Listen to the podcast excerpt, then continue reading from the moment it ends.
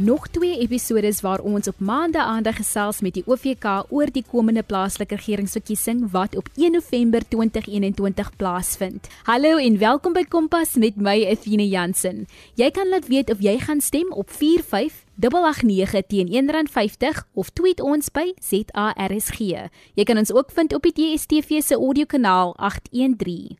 Indien jy in kontak wil kom met die OVK, kan jy hulle webtuiste besoek op www.elections.org.za.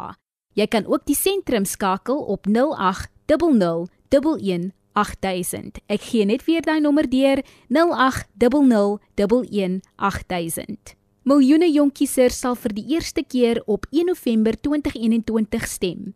Vir die meeste is dit 'n oomblik van trots en opwinding, maar vir die wat nie die regering en politieke partye vertrou nie, is daar dikwels twyfel oor die gewig wat hulle stemme dra. Vir beide hierdie groepe is 'n deurslaggewende stadium van die verkiesingsproses die tel van die stemme, waar tydens hulle eerste stem in aksie omgeskakel word. Wie tel die stemme? Hoe word korrupsie en ongewenste eksterne invloed verhoed tydens die stemtelproses? Is die proses werklik onpartydig? Voor ons daardie vrae met die OVK verteenwoordigers bespreek, hoor ons eers by 'n paar jong mense wat hulle dink van die komende plaaslike regeringsverkiesing. Jy luister na Kompas op RSG. My naam is Justine en my van is Tarantal. Ek is 26 jaar oud. Ek was gebore in 1994 in die demokratiese land van Suid-Afrika. Dit sal my tweede keer wees dat ek stem en my invloed in stem is dat baie jong mense moet begin stem dat ons as jong mense se stemme moet gehoor word. As jy nie stem nie, dan sal jou stem nooit in Suid-Afrika gehoor word nie. So dis hoekom ek die 1 November my stem by my eie politieke party gaan sit en vir die regte regering my stem gee. Dit is baie belangrik dat elke jong mens in Suid-Afrika hulle stem gaan plaas vir die plaaslike munisipaliteit en vir die party wat hulle sterk voel dat dit sal 'n baie goeie invloed wees in hulle gemeenskap. My opinie is dat almal moet gaan stem vir hulle partye wat hulle sterk voel dit is die regte party. So, ek vra dat alle jong mense en almal in Suid-Afrika die 1 November hulle stemme gaan plaasvind by elke lokale stemplekke. Kompas, jou loopbaanrigtingaanwyser op RSG. Ek is Delaney en ek bly in Hommelpark. Ek sal vir die eerste keer stem en is baie opgewonde om dit te doen. Om my stem bekend te maak vir beter geleenthede en vir 'n beter land. Dink dit is baie belangrik om te stem sodat ons meer geleenthede het en leiers kan kies wat die beste belange van die land het. Ons moet dus deeglik dink oor ons besluite. Ek moedig ander jong mense aan om ook te stem want ons is die toekoms van ons land. Dankie.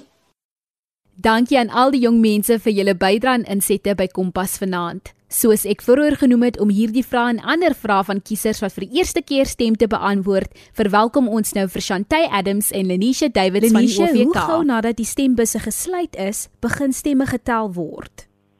OK, so as ons voorheen bespreek het, ehm um, maak die stemlokaal mos 9 uur toe. Nou as daar nog mense is ehm um, wat hulle moet help, sal um, hulle wanneer die laaste persoon gehelp word, nee, dan gaan dit gesluit word en dan gaan hulle die stemlokaal verander in 'n tea-lokaal. Nadat hulle dit gedoen het, dan vat hulle so 'n kort breek van min of meer 15 minute en dan begin hulle tel. So dit um verskil van stasie tot stasie oor wanneer en hoe laat hulle begin tel. Ek wou net vra Lenisha, beteken dit hulle begin tel al dieselfde aand op 1 November? Net so reg. Hulle begin tel as die stasie dalk 9 uur toe maak, kwart oor 9 begin hulle begin tel.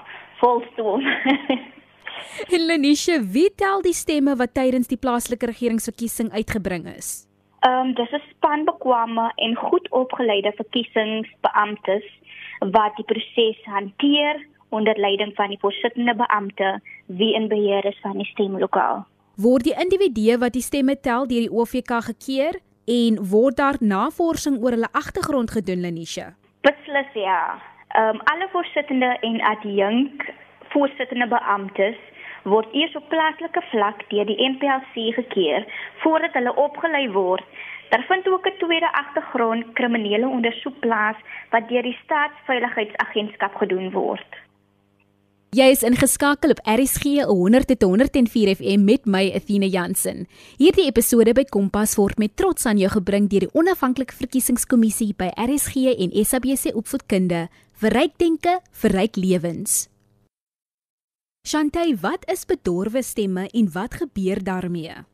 As jy 'n bedorwe stem of stembrief is enige stembrief wat bevraagteken word en dan as bederf of ongeldig gesien word. Um, ons as OVK beamptes kyk uit vir sekere teikenmerke wat sal lei na 'n stembrief wat bederf sal wees. Ehm um, dis byvoorbeeld soos die merkie wat die kiezer maak, ehm um, wat dalk hulle identiteit bekend kan maak. Ehm um, byvoorbeeld hulle skryf dalk hulle naam waar hulle kruisie moet maak of so. Dit kan ook bederf wees as die kiezer vir meer as een kandidaat of party gestem het wat dit dan vir ons moeilik maak om om om te tel en ehm um, dit kan bederf wees as daar geen merkies gemaak was op daardie stembrief nadat dit in die kiezer se besit was nie. Die stembrief kan ook bederf wees ehm um, as dit nie die amptelike sekuriteitstempel van die OVK agterop het nie wat elke stembrief um, moet hê wanneer dit deur die telproses gaan. Dit kan ook bederf wees as die merkie wat die kiezer langs die kandidaat of party vir wie hulle wil stem of gestem het onduidelik tot 'n sekere mate is. Um so dit is as dit nou byvoorbeeld oor in 'n ander boksie ingaan of um die hulle nie hard genoeg gedruk het nie dat dit so duidelik is om te sien vir wie hulle gestem het nie. Um maar die bedorwe stembriewe word bymekaar gehou en gestoor met die res van die stembriewe tot en met die telproses begin. Sjoe, so wat julle eers doen is julle kyk na wat, wat is bedorwe stemme voor julle met die telproses begin. Ja, as die telproses begin, dan word al die die um, stembriewe in hulle verskillende um, kategorieë gesit. So byvoorbeeld, ehm um, die special votes, die wat nou wel bederf is en dan ehm um, die die die die ehm um, die stembriewe wat disputes het. Ehm um, en daarna kan ons eers begin met die telproses.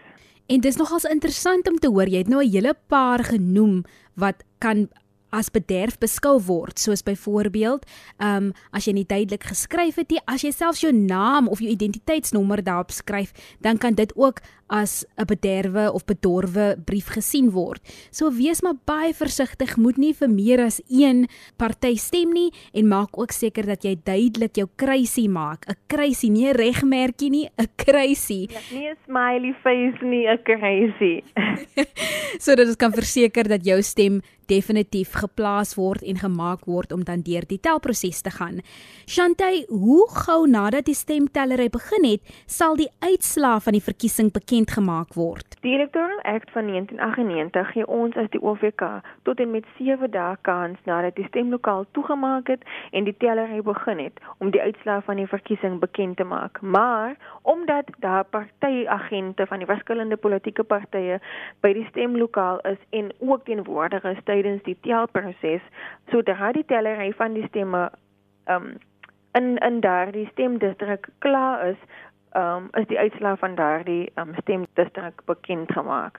Lenisha, watter stappe vind plaas tydens die telproses? Wat gebeur tydens elke stap?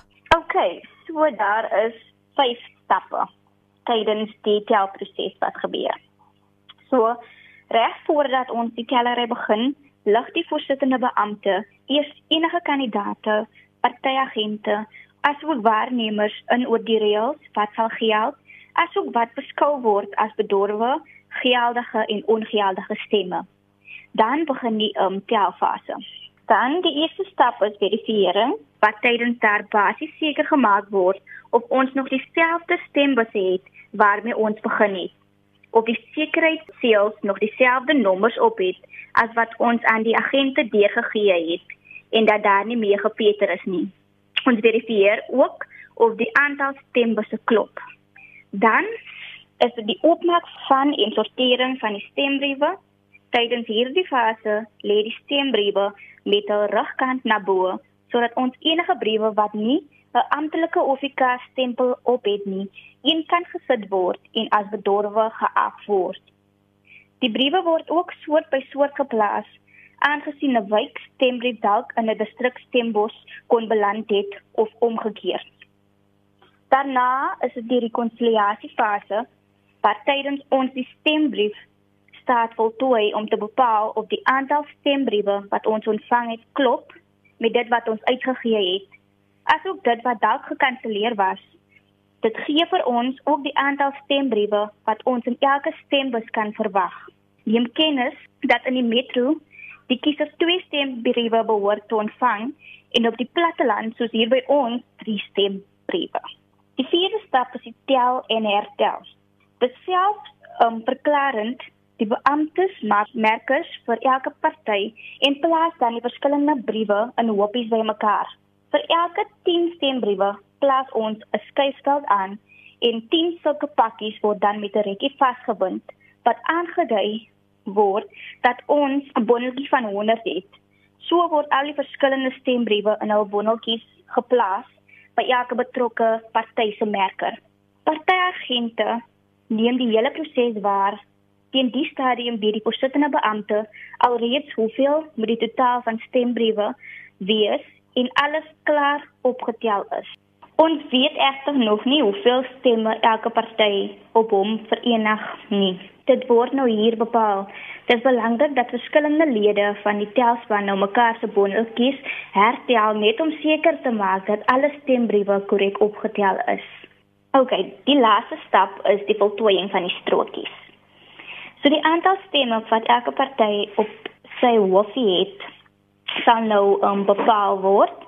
Die um, voorsittende beampte en sy hulp vul nou hierdie data op 'n folioblad in om finaal seker te maak voordat die uitslae na die voorlopige uitslagstrokie in die dagboek van die voorsittende beampte oorgedra word.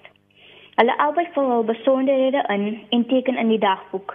Elke party verteenwoordig 'n teken ook teenoor sy uitslag wat oorgedra is na die dagboek.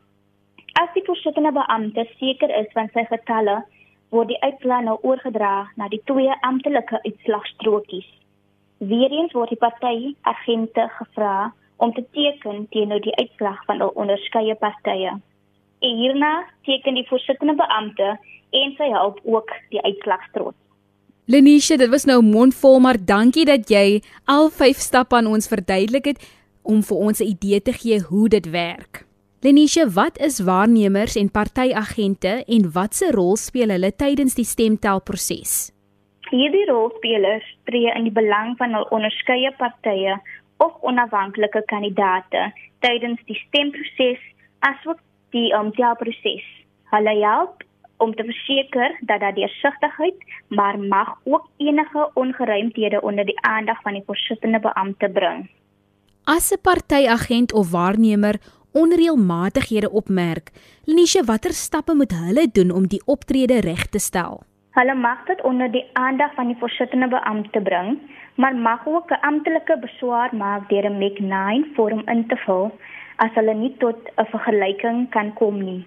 As hulle nog altyd nie tevrede is met die besluit van die voorsittende beampte nie, dan mag hulle appel loods na die kommissie self voor 9uur op die tweede dag na die verkiesing maak.